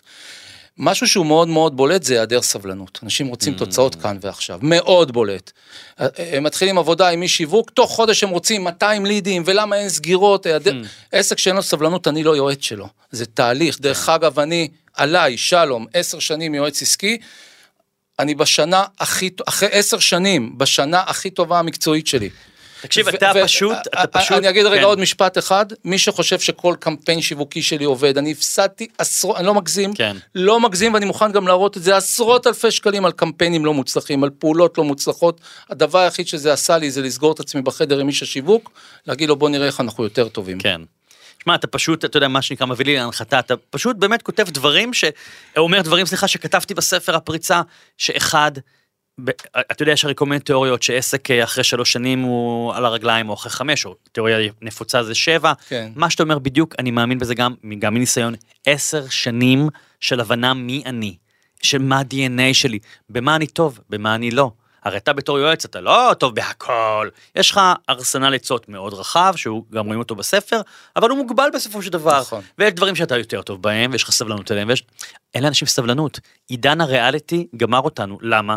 כי אנחנו רואים בטלוויזיה איזה איש אישה אנונימיים, מגיעים לכוכב הבא, רוקדים עם כוכבים, מה שזה לא יהיה, פתאום נהיים מפורסמים. פתאום... אה, עכשיו, רובם נעלמים כלא היו. אבל עזוב רגע את עולמות הזה, בוא ניקח מהעולמות שלנו, ולא אבל- נזכיר, אבל זה- אבל ולא זה מש- נזכיר שמות. אבל זה משליך, מנטור זה גדול, משליך על עולם העסקים, כי מישהו אומר, אה, נפתח עסק, בתוך ארבעה חודשים זה פצצה. אבל אני יכול לפתוח לך קמפיין ולא נזכיר מנטורים של אחד המנטורים שדיברנו עליו, שגם הייתה לו תוכנית טלוויזיה, והוא אמר, תוך חודש אני הופך לכם את העסק. Mm. תוך חודש הופכים למישהו את העסק? ברור שיהיה איזושהי תזוזה. כן. אז החוסר סבלנות מאוד מאוד, אחד הדברים הכי בולטים. כן. רוצים כאן ועכשיו, ואני יכול להגיד, וזה מתקשר לפן האישי, שחלק אה, מהפעמים, מה, אני לא רוצה לקרוא לזה טעות, כן. אבל אנשים צריכים, לפני רגע שהם רצים להשקיע על יועץ, על שיווק, על מיתוג וכולי, רגע להבין אם זה התשוקה שלהם, למה הם Mm. עושים את זה. לפעמים אנשים פותחים עסק כי חבר שלי אמר לי שזו הזדמנות מעולה לעשות כסף. כן. חבר שלי, אתה קם בבוקר, אתה אומר איזה באסה, זה לא העסק שלי. כן. אני יכול להגיד עליי, אה, אה, אה, אנשים אומרים יום חמישי, סוף שבוע, איזה כיף. אצלי ראשון, שני, שלישי, רביעי, חמישי, עם אותה תשוקה, אותו עניין, מרוב שאני כל כך אוהב את מה שאני עושה. Mm. כן. אז אם ביום ראשון אתה מבואס כי התחיל שבוע, וביום חמישי אתה בעננים כי נגמר שבוע, אולי משהו, אולי אתה לא במקום הנכון לחלוטין. לך. אז מה אתה אומר את זה לבן אדם אגב? אני שם את כל, התפקיד שלי זה לא להיות פינת ליטוף. Mm, התפקיד שלי זה לשים את האמת. אהבתי. התפקיד שלי זה לשים את האמת, ואני שם את כל האמת. מת- אומר לי לקוח, תראה, א', ב', ג', התפקיד שלי זה לא להגיד לו מדהים, כל הכבוד, תפקיד, כן. אני לא אוהב את זה. אני, אגב, גם זה משהו שאני, אתה יודע, אני, אני מדגיש פה הרבה בפרקים השונים, מי שמקשיב לפודקאסט באדיקות, על נושא האמת, כמה אמת זה חשוב בחיים, אה, כמה זה פותר דברים, ואנשים מחרטטים אחד על השני, גם בתוך משפחה, גם בתוך זוגיות, גם בתוך חברים, לגמרי. באמת זה כל כך משחרר, האמת משחררת. לגמרי. תגיד, אמרת פה אומץ, אומץ, עכשיו, זה נורא קל להגיד, אנשים מפחדים, צריך אומץ, אז אני אשאל אותך שאלה שהמון אנשים שואלים אותי גם, איך מגייסים אומץ? אם אני, אם אני אדם פחדן, אני מפחד עכשיו, אתה אומר לי, יובל, יש לי, קח איש פרסום, יש לי גם בשבילך מישהו מעולה, תוצאות לא רעות. ואני אומר לך, אבל אני מפחד, לס- 5,000 שקל, מה, איך, איך, איך אתה עוזר לי? לגבור על הפחד. אני חוזר רגע לנקודה ש, שדיברנו עליה מקודם, ואני יודע מה, מה גורם לי. שאני בחשש לעשות משהו, אני מוצא את אותו אחד, עוד פעם, הוא לא חייב להיות בהכשרתו מנטור, את אותו אחד, שיסתכל עליי בעיניים ויגיד לי, אני מכיר אותך, אתה יכול להצליח, ובוא אני עושה את זה איתך. Mm. אל תעשו את זה לבד. תמצאו את אותו אחד, דרך אגב, גם על זה דיברנו, בדרך כלל לא המשפחה. כן. שהם לא ממקום שאתה לא חשובים לך, מדאגה, למה כן. אתה צריך את זה, תישאר שכיר, זה לא... תמצאו את אותו אחד, שייתן לכם את השלוק הזה ממיץ כן. האומץ, אבל גם לא ישאיר אתכם לבד. יגיד לכם, אני יד ביד, איתכם, אנחנו הולכים לעשות את זה ביחד. כן. והמישהו הזה, הוא הרבה פעמים קריטי להצלחה. דרך אגב, חלק כן. גדול מההודעות וואטסאפ שאני מקבל מלקוחות שלי, מהמם. כתבה לי לקוחה, יש לי את האבא הביולוגי ויש לי אותך. Hmm. היא לא כותבת לי, הקמפיין השיווקי שלי היה כן. מצוין, היא כותבת לי, אתה זה שמניע אותי לעשייה. ואני מקבל עשרות הודעות כאלה, ולכן הסלוגן של העסק שלי שונה. הוא לא ייעוץ עסקי, הוא מנטליות, אומץ, פריצה עסקית. Mm. זה יושב על המנטלי הזה. עכשיו, כן. לבד קשה לעשות את זה. אתה יודע, תמיד שאני, שאני, גם אני אוהב נורא יועצים, אני, אתה יודע, גם, אני אני לא מאמין ביועצים של שנתיים, אני אוהב לקחת שלוש, ארבע פגישות מאדם מסוים, היה לי מוצלח, ניקח עוד שתיים פגישות, אה, שתי פגישות, לא היה מוצלח, תודה רבה ולהתראות. ואגב, זו עצתי, עצתי האישית, אל תיקחו ליוויים של שנים. קחו לכם, מה זה חתונה, זה נישואים? קחו לכם פגישת ייעוץ אחת עם בן אדם, תראו שיש כימיה, אהבתם? תקנו עוד שלוש פגישות. אהבתם? תיקחו עוד חמש פגישות. לא כי הוא מציע לכם הצעה, אם תיקחו 30 פגישות, כרטיסייה, יותר זול. קחו בהתאם לצורך. ו- ואני תמיד, כשאני מחפש יועץ לכל מיני תחומים, אז אני תמיד מפרסם בפייסבוק, מחפש מוח בנושא וזה. כי כתבת על זה גם בספר ומאוד הזדהיתי ואהבתי, שזה נורא בודד נכון. להיות בעל עסק. לא משנה אם אתה אה, אה, קואוצ'ר, אם, אתה, אם את מאפרת, אם אתה בעל חנות, זה נורא בודד. נכון. ובעצם יועץ הוא סוג של מוח, לב להשכרה, יד, ואני חושב שהדבר הזה הוא מאוד חשוב. אני רוצה לגעת בעוד קושי שיש להרבה מאוד אנשים, אה, בעיקר עסקים, אני קורא להם אפילו זעירים, באמת האדם הפרטי, המאפרת. הקוסמטיקאית, בדיוק. הספר. מילה שיווק, אתה אומר להם צריך שיווק ומתחילים, אוי לא, אני גרוע בזה, כן. אוי זה עושה לי חררה. כולם, כמעט כולם שונאים שיווק. למה שונאים שיווק ואיך מתגברים על זה, מה אתה מציע? אז, אז קודם כל שיווק זה יציאה מאזורי נוחות. אין מה לעשות, יציאה, לא כל אחד, ספר, קוסמטיקאית, שיפוצניק, איש מזגנים, אני נותן מקצועות שאני מלווה, כן. שהקים את העסק שלו בתחום המזגנים, הבין שהוא גם מתישהו יצטרך לעמוד מול מצלמה, או מתישהו לפרסם, זה לא דברים שנולדנו לתוכם. Mm-hmm. דרך אגב, היית שואל אותי לפני 12-15 שנה, אם בכזאת קלות אני אעצור רגע בטרמפיאדה, כי עלה לי משהו בראש, כן. את הסמארטפון ואצלם, כנראה שלא. אז קודם כל בוא נהיה אמיתיים, זה יצירה מאזורי נוחות. אוקיי. אבל, אבל, אבל מצד שני, ממה שאתה אומר, זה גם שריר שמתפתח. כי אתה אומר, אני לא הייתי עושה את זה זה לפני 15 אימון, שנה. אתה מכיר את הקונספט שלי, חדר כושר כן, לעסקים, כן, אני יכול כן. להיות יועץ מדהים, אז זה אימון. כן. אימון זה חיזוק שרירים. הדבר הבא, בעולם השיווקי זה, זה, זה גם תפיסה שהרבה פעמים גדלנו עליה, מה יגידו עלינו? Hmm. עכשיו, מה זה משנה מה יגידו עלינו? אני אגיד לך אבל מה המדד שלי. כן. הרי גם אני עליתי עם קמפיין חדר כושר, עליתי עם ספר, לא משנה, אני בטוח שיש איקס אנשים שיגידו עוד אחד שחושב שהוא מנטור. כן. המדד שלי זה מה האחוז, אם זה אחוז קטן של אנשים, למה אני צריך להתייחס לחמישה אחוז, אם יש 95 אחוז אנשים שרוצים לצרוך את התוכן שלי?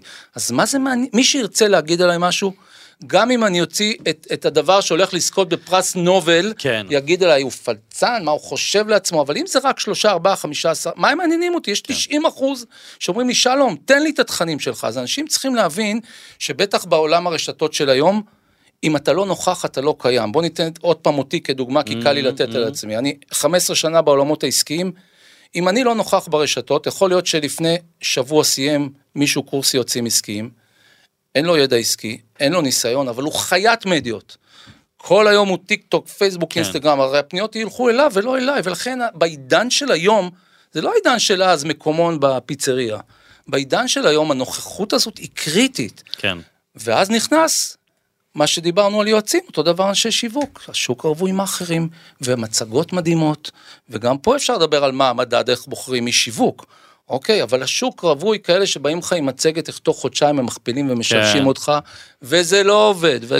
אני אגב, כשאני רואה פרסום לכל מיני יועצים בכל מיני תחומים, כולל אנשי פרסום שיווק, תוך חודשיים, תוך שלושה, אני ישר מדלג הלאה. נכון. אין, כי אין כזה דבר. נכון, אין, אבל אין, אתה אין. בתודעה הנכונה, ובעל עסק קטן עכשיו, קוסמטיקאית בודדת, כן. שאומרת, רגע, רגע, רגע, אני, אני, איך אני ממלא את הקליניקה שלי, ועכשיו נופל המצגת טובה של כן. אי שיווק, איך התשובה היא מתקשרת למה שאמרת מקודם, לאט, לאט, סבלנות. לאט, לאט. ולבחור את האנשים עוד הטובים. לקוח ועוד נכון? לקוח שיהפוך להיות שגריר שלך, נכון. שיספר, תעש- מפיצי בשורה. בדיוק, תעשי להם גבות יפות, כן, תספר לחברה שלה, כן. תביא חברה שלה, ובסוף, בסוף, בסוף, עוד שנה, שנתיים, עשר, את תהיי אוטוריטה. לגמרי. אין לאנשים סבלנות, רבאק, היום תוחלת החיים היא עד גיל 90, מה הלחץ, מה קרה? נכון. אז תפרצו בגיל 45, מי אמר שצריך בגיל 32 כבר להיות אה, המשפטים על האלה, הטופ? הגיל, הגיל, אני כן. אמרתי עוד פעם, אני בגיל 54 מרגיש באנרגיה של 18. אני, אני רוצה אבל להגיד גם עוד איזה שני דברים שאמרת, אפרופו הקושי בלשווק. אחד, אמרת, הנה, אני יצאתי החוצה, אני עושה ספר, אני עושה פרסום, אולי מישהו יגיד אה, פלצן וכולי. אי אפשר לנצח את כולם. נכון? אי אפשר. לא צריך. ואני אגיד לך משהו, מי שאוהב אותנו, קרובים ורחוקים וקהל, אוהב. את השונאים לא נוכל להמיר. נכון. זה כמו השיח ימין-שמאל, למה אני לא מנהל שיחות פוליטיות? כי אין חברים שלי שהם בימין או בשמאל ואני בעמדה נגדית, זה לא, לא משנה מה אני אגיד להם. אני אביא להם ראיות, עובדות, סרטונים מצולמים של לא ראש יעזור. הממשלה, לא יודע מה, הם יגידו לי, לא, זה לא סרטון אמיתי, זה לא משנה. נכון. אז, אז אותו דבר כאן, מי, ש, מי שלא אוהב אותך, לא תנצח איתו. לגמרי. תעבוד עם מי שאוהב אותך, או מחבב אותך, או סקרן לגביך. ודבר שני, אפרופו אנשים, אה, עסקים קטנים שקשה להם לפרסם, אומרים, אבל מי אני, הקוסמטיקאית, שאני עכשיו אפרסם? אה, סליחה, מותר רק להודיז? רק לעילית? רק לקוקה קולה? רק למקדונלדס? מזהמים לנו את המרחב הציבורי בפרסומות. אבל יש משהו מעבר לזה, בהקשר למה שאמרת. העידן הנוכחי מאפשר לקוסמטיקאית להיות קוקה קולה. נכון. הוא ת- מאפשר לה להיות קוקה. קולה. רגע, ביתרון אפילו על קוקה קולה. למה יתרון? שקוקה קולה רוצים להעלות קמפיין, זה חודשים עכשיו לעבור את החברה, את הקמפיינר, את הדירקטוריון, יודע, שקוסמטיקאית רוצה להעלות קמפיין מחר. כן. היא בקמפיין והיא יכולה להיות קוקה קולה. כן. היא יכולה, אותם, יש, אותם כלים שיש לקוקה קולה יש לה, ביותר זמינות, ביותר נגישות וביותר מהירות. אז אפרופו קוקה קולה, כן. אני רוצה לאתגר אותך בשאלה כיועץ. קדימה. בסדר? נעשה כזה, נעשה סימולציה. הקטע מומחה. אני יובל אברמוביץ', כן. ויש לי 19 ספרים, ויש לי 10 הרצאות וסדנאות שונות. אבל אפרופו קוקה קולה, יש מוצר אחד שאני מזוהה איתו, הכי הכי. הקוקה. קולה שלי זה הרשימה. לא משנה מה אני, שנת המתנות, הרצאת ההזדמנות, הספר הזה, רוצים ממני קוקה קולה, אבל יש לי ספרייט, יש לי דיאט ספרייט, יש לי קינלי, יש לי מהדורת קיץ, רוצים רק קולה, ואני רוצה שיקחו גם קינלי.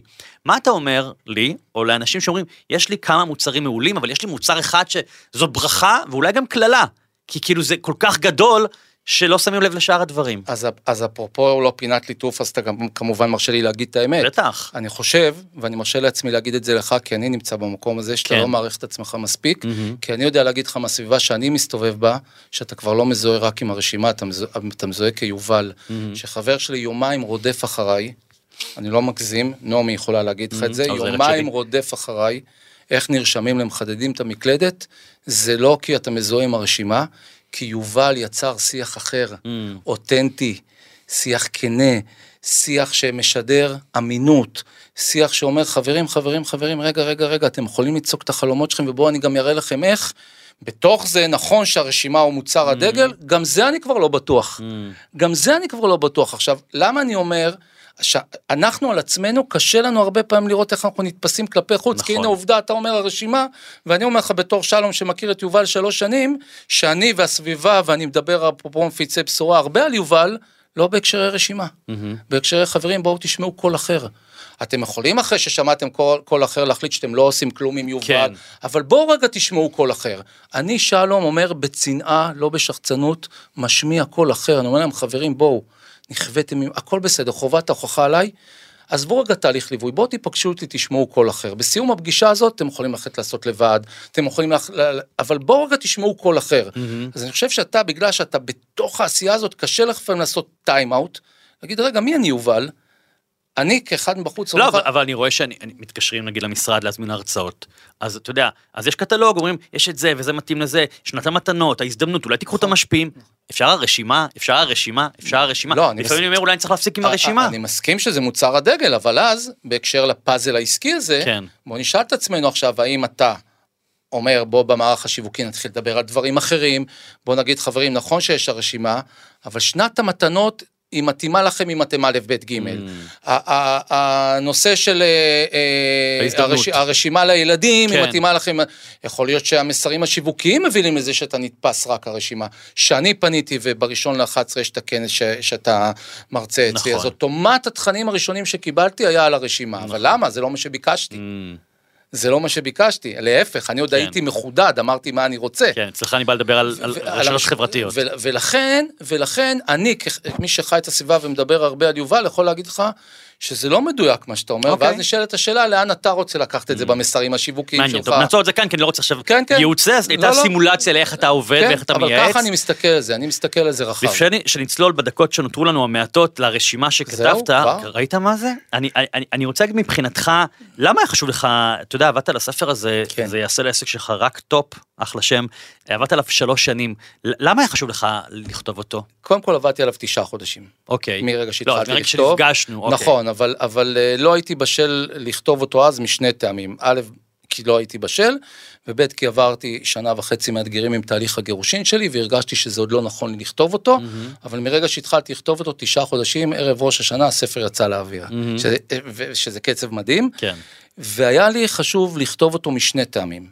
אחד, כי אני, יש לי בשורה לבשר לעולם האישי והעסקי, ואני חושב שמי שיקרא את הספר הזה, גם אם הוא לא בעל עסקים, בר, ו, ומרגיש ברמה האישית שהוא קצת מחפש את עצמו, לא יודע, מישהו שרוצה להקים עסק, מישהו שהוא עסק שהוא תקוע, ומישהו שהוא עסק שמצליח אבל רוצה את הרמה הבאה, יכול, גם אם לא לפגוש את שלום, לעשות העתק הדבק. זה אוקיי. פעם אחת. פעם שנייה, וגם את זה לא בושה להגיד, ספר זה כרטיס הביקור שלי. לחלוטין, זה מותג מדהים. לחלוטין. ההבדל בין זה לבין פלייר, שאת זה לא יזרקו ופלייר יזרקו. ואני כבר חווה את זה עוד לפני שמאות ספרים מסתובבים, שאנשים אומרים לי, וואו, כתבת ספר, אתה נהיה אוטוריטה. כן. עכשיו, במקרה שלי עוד פעם, אני באמת מאמין שאני אוטוריטה. כן. ואני חושב שזה ערך מוסף מדהים לכל מי שמרגיש שרגע, מאחורי הסיסמאות, כמו שאמרנו, של אומץ זה זה זה, כן. הנה פרקטיקה איך אז, עושים את אז זה. זה באמת הספר הזה משופע, אני ככה, אה, השבוע הייתי חולה אז היו לי נדודי שינה והיה לי זמן לקרוא את הספר אה, אה, לקראת השיחה הזאת ובאמת מאוד אהבתי שבסיום כל פרק יש באמת העתק הדבק, זאת אומרת מין כזה סיכום. אתה, אתה בעצם בכל פרק כמעט מספר, בעצם הפרק בנוי מ- ממפגשים שלך עם לקוחות, כמובן, אמיתיים. כן, כמובן, חוץ מהשמות, הכל השמות אמיתי. זה מטושטש וזה, אבל באמת מקרים אמיתיים, כן. ואתה אומר מה אתה ייעצת להם, מה הייתה התוצאה, לטוב, לרע, מאוד כן. אהבתי את גם את הכנות ואת האמת בדבר, ובסוף אתה כאילו כמו אומר כזה, העתק הדבק, הנה, הנה בעצם מה שהיה בתהליך. נכון. אז בעצם כאילו מי שקורא את הספר, סוג של גם רגע, יוצא איתך ו- למסע. ובסוף בנספח, יש כן. להם תבניות, נכון. תסריט שיחה, תוכנית שיווקית, נכון. תחזית עסקית, קחו, הנה תבנית. עכשיו תתאימו אותה לעסק נכון. שלכם. מה אומרים כשאומרים לך יקר לי בטלפון? כן, כן, אני רוצה דברים. לחשוב על זה, כן. מה, איך בונים תוכנית שיווקית, איך כן. מסתכלים על עולם השיווק שנה כן, קדימה. כן, אהבתי, אני בהחלט אה, אעביר את הספר לצוות שלי, לא את העותק הזה שלי, אבל אני? אני אדאג, אני אדאג גם לצוות שלי. שלום, בוא נקפוץ לי לסיום, כי אני תמיד אוהב לשמוע אצל כל אורח את רשימת החלומות שלך. כמו ששמענו בפתיח, יש לך מאחוריך המון, אבל יש עוד לפניך המון שיגיע. אז כתבת, בשנת 2024, החלום זה לחופש ועצמאות כלכלית. נכון. לייצר אי תלות מוחלטת, על מנת שזה יקרה, אני פועל בימים אלו לפיתוח אפיקי הכנסה משמעותיים. תגיד לי על זה כמה מילים. אז, אז אה, אני, אני מאמין שאנחנו צריכים אה, ליצור לעצמנו מצב מהמם. שאנחנו פועלים מחוסר תלות. אני לא צריך להיות רגע במרץ הבת שלי מתחתנת, אז מה יהיה פה, ובעוד חמש שנים מה יהיה פה. ואני מאמין שאנחנו צריכים ליצור לעצמנו חופש, ו- ולכן, וגם להיות יצירתיים, אפרופו יצירתיות. אז מכיוון שאני פוגש הרבה מאוד בעלי עסקים, אז עכשיו נקרות בעיניי הזדמנויות רבות כתוצאה מהפגישות האלה להיכנס מהמם. לעולמות אחרים. כן. שיווק פרויקטי נדל"ן למשל, ואפיקי הכנסה מאוד מאוד משמעותיים, מבלי להשתעבד, לגמור את החיים שלי וכולי וכולי, ושמתי לי כיעד אה, אה, בגיל אה, 54 אוטוטו ושנה הבאה זה, אה, אה, להפסיק להיות אה, אה, בתלות, שאני אומר בכנות, ואתה מכיר אותי, אה, כן. שאני לא במקום שאני רוצה להיות בו כלכלית, כן. בגלל כל מיני תהליכים. אז אני יכול, אני מאוד מתחבר ואני כבר מבטיח פה בכמה וכמה פרקים ועוד לא הגעתי לזה, אבל באמת אני בקרוב, אני, אני אגיד לך למה אני מתעכב עם זה ולכם, אה, אני, אני רוצה להביא לכאן אנשי נדל"ן, אבל יועצים אמיתיים, לא שרלטנים. אני אביא לך. אה, אה, אני אשמח לקבל המלצות, כי אני יכול להגיד לך שאני לפני חמש שנים בערך התחלתי להיכנס להשקעות נדל"ן, גם בארץ וגם בעולם, שזה מושג מאוד גדול, מאוד רחוק. כאילו אני זוכר שם, מה, מה לי ומה נדל"ן אני ומה קשור, ו-. וזה לא קשור לכמה כסף יש לי בכיס, פשוט לא ידעתי בכלל מה אמור, וכשנכנסתי לעולם הזה, והיום יש לי משכורת מאוד מכובדת, אני קורא לזה משכורת. הכנסה פסיבית. כן, אבל- כן, אה, מכל הנדלן הזה, וזה משחרר אותי לחלוטין, זאת אומרת, כבר לא אכפת לי אם ספר שלי יצליח או לא יצליח. אם, הרצ... אם החודש יהיה לי חמש הרצאות, או חמש עשרה, או עשרים, אני כבר לא בלחץ על התזרים העסקי, כי יש לי ביטחון מדברים שבכלל לא, לכאורה העולם שלי, ואני מאוד מאוד מתחבר ומאוד ממליץ, ואני מתחייב כאן, שבקרוב מאוד אני אעשה סדרת אה, אה, אה, הקלטות על הנושא, כי, כי באמת כל אחד יכול אה, להשיג נדל"ן. אם לגמרי. לא בארץ, בחו"ל, לגמרי. ו- ואני רוצה ללמד את זה, זה מאוד מאוד חשוב. כתבת, אני, אני קופץ ככה ברשימה, לא נוכל להקיף את כולה. אה, לצאת לפחות פעם בשנה לטיול קולינרי בעולם, להתחיל בכפרים באיטליה. קודם כל אני חושב שאני פספוס, אני יכול להיות מבקר מסעדות מדהים. מהמם. אחד הדברים שחברים... כתבת אגב, כן, זה גם חלום. כן, אחד הדברים שחברים שלי יודעים, שכל פעם שהם מחפשים בארץ איזה מסעדה או בית קפה, קודם כל להתקשר לשלום, אוקיי. אני מאוד אוהב את התחום הזה. מאוד מאוד אוהב. וכן, ויש לי חלום להתחיל לדגום מקומות, לא מסעדה בלב השאנזליזה, אלא להפך, את הכפרים הזה, וכן, ומשהו שאני אעשה אותו, ולא בעוד הרבה זמן. אוקיי, אגב אני חייב להגיד לך בתור מבקר מסעדות לשעבר, אני עשיתי את זה כמה שנים בגיל 30, זה סיוט מארץ הסיוטים, כי אתה פשוט מאבד את ההנאה מלאכול, כי אתה יושב במסעדה, אתה מתחיל כזה, "אמ, אני לא יודע, נמוך לי, לא נמוך לי, הפלפל הזה, וזה פשוט הורס את הפאן. אני צריך לחוות את זה. אל תהיה מבקר מסעדות, אל תישאר אה, גרגרן. אוקיי. אה, להיות פעם בשנה בכדורגל במדינות שונות בעולם. מה, אתה פריק של אז קודם כל כדורגל? אהבת חיי זה ספורט. אני Mm. מהרגע הראשון שזוכרת את עצמי אני עושה ספורט. אוקיי. כולל זה שהייתי מאמן בקבוצות בליגות אה, בכירות מאוד, ואני מאוד מאוד אוהב. עכשיו, בכל מקום שאני מגיע בחו"ל אני בודק אם יש משחק. אוקיי. אני חודש הבא מעביר הרצאה בכנס בברצלונה, בדקתי האם בשבת יש משחק, כי בניגוד לארץ זה אירוע תרבות שם. אתה רואה סבא וסבתא שבאים עם הנכדים לאירוע תרבות, כן. ולא כמו בישראל שאתה הולך לקנות שתייה במחצית ובדרך אתה מקבל 50 מכות בראש, הפסקתי Mm. לכדורגל בישראל. וואו. זה פשוט אירוע תרבות. אוקיי. כתבת בכנות לצאת מהמשבר האישי שעברתי כתוצאה כן. מהגירושין, כן. לא לפחד לדבר על זה ולהיחשף, ואתה באמת הזכרת את זה פה פעמיים שלוש ככה, נורא בכנות, את הגירושים, את ההשלכות הכלכליות באופן טבעי.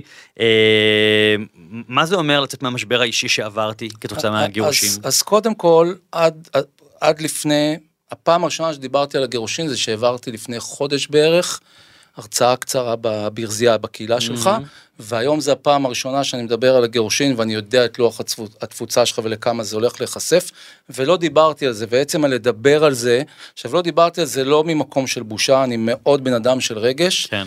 והאירוע היה לא מיוזמתי, תפס אותי בבום, וחצי שנה, שרואים לפעמים סרטים שמישהו או מישהי יושבים מול הטלוויזיה בוכים עם גלידה, כן. זה המצבים שהייתי חצי וואלה. שנה. הרמתי את עצמי לפגישות, לא יכולתי לפגוע בעסק שלי למרות שהוא נפגע, כי לא כן. הייתי באנרגיה לשיווק וכולי, ולא דיברתי על זה.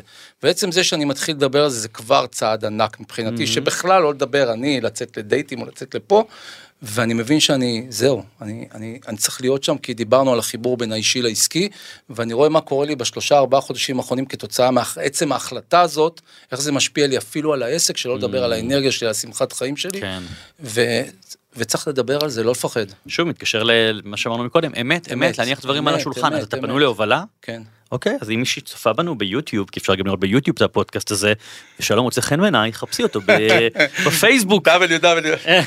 אה, כתבת אה, ככה לסיום, וזה נורא סוגר יפה את, אה, את הפתיח, להיות חלק מהצוות האסטרטגי שמייעץ לראש הממשלה, בסוגריים, לא לכל ראש ממשלה. נכון. אז אתה רוצה לחזור למקום הזה? בסיטואציה שראש הממשלה הוא, הוא אולמרט במרכאות, כי...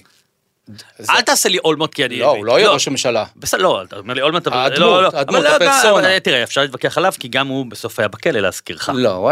בוא נשים את זה בצד, כי זה לא על תקופת היותו ראש ממשלה. זה על תקופת היותו ראש עיריית ירושלים אוקיי. וכולי וכולי, ואני שם את זה בצד, כי. דרך אגב, בתפיסה שלי, כנראה שרובם שם כאלה לא... כל נושאי המשרות האלה, זה לא- שאלה אם- זה לא תפסו. אותם או לא, אבל לא זה לא. קשור, אבל זה תפקיד שמשלב בין, אה, אה, אני מאוד איש של שליחות, כן. בין, בין שליחות לבין באמת מעורבות במה קורה במדינה הזאת, וזה היה Mm. תפקיד חיי. ובסיטואציה מסוימת, בצוות מסוים, אם יקראו לי, אני אחזור. אבל מה זה יקראו? זה לא שישבו ויגידו, "מ, שלום גינזבורג. לא, לא, לא, תפנה. אני, דרך אגב, אני, אני לא מתבייש להגיד שפניתי, הוא Mm-hmm. פשוט לא נבחר לתפקיד, ואני מתכתב אפילו עם אשתו במייל, Mm-hmm. ואני מניח שגם אם זה לא איתו, וגם אם זה לא בשנה, שנתיים, חמש, מתישהו אני אהיה בצמתים האלה. הצמתים שאני מאוד אוהב, כי גם יש לי ראייה אסטרטגית טובה, Mm-hmm. כן. וזה זה חיבור שאני מאוד אוהב. מתישהו זה יקרה. אוקיי, אני מאחל לך בהצלחה, וגם לנו לכולנו, כי אנחנו צריכים אה, אנשים פה טובים אה, שמובילים אותנו, בין אם מאחורי הקלעים או בין אם אה, ב front. שלום, אני רוצה לאחל לך המון המון בהצלחה עם הספר, זה יעשה לעסק שלך רק top.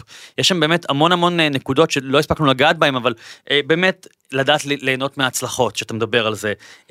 אתה מאוד מדבר פה גם לנשים, מנסה להעצים את הנשים, שהרבה פעמים ככה מפחדות להיות עצמאיות, אה, ולדבר על להקשיב לעצמנו גם.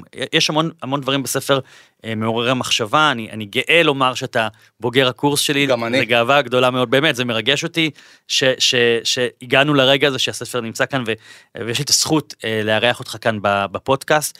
מאחל לך המון המון בהצלחה, אם תרצו רבה. למצוא עוד פרטים, חפשו בגוגל שלום גינזבורג.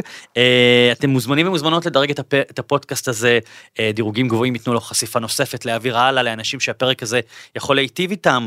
אה, אפשר למצוא את הפודקאסט גם בספוטיפיי, גם באפל, וגם לצפות בנו ביוטיוב. תודה רבה רבה. תודה רבה, יובל. תודה. עוד יותר, יוצרי התוכן של ישראל. הוקלט באולפני אדיו, המשווקת את ספוטיפיי בישראל.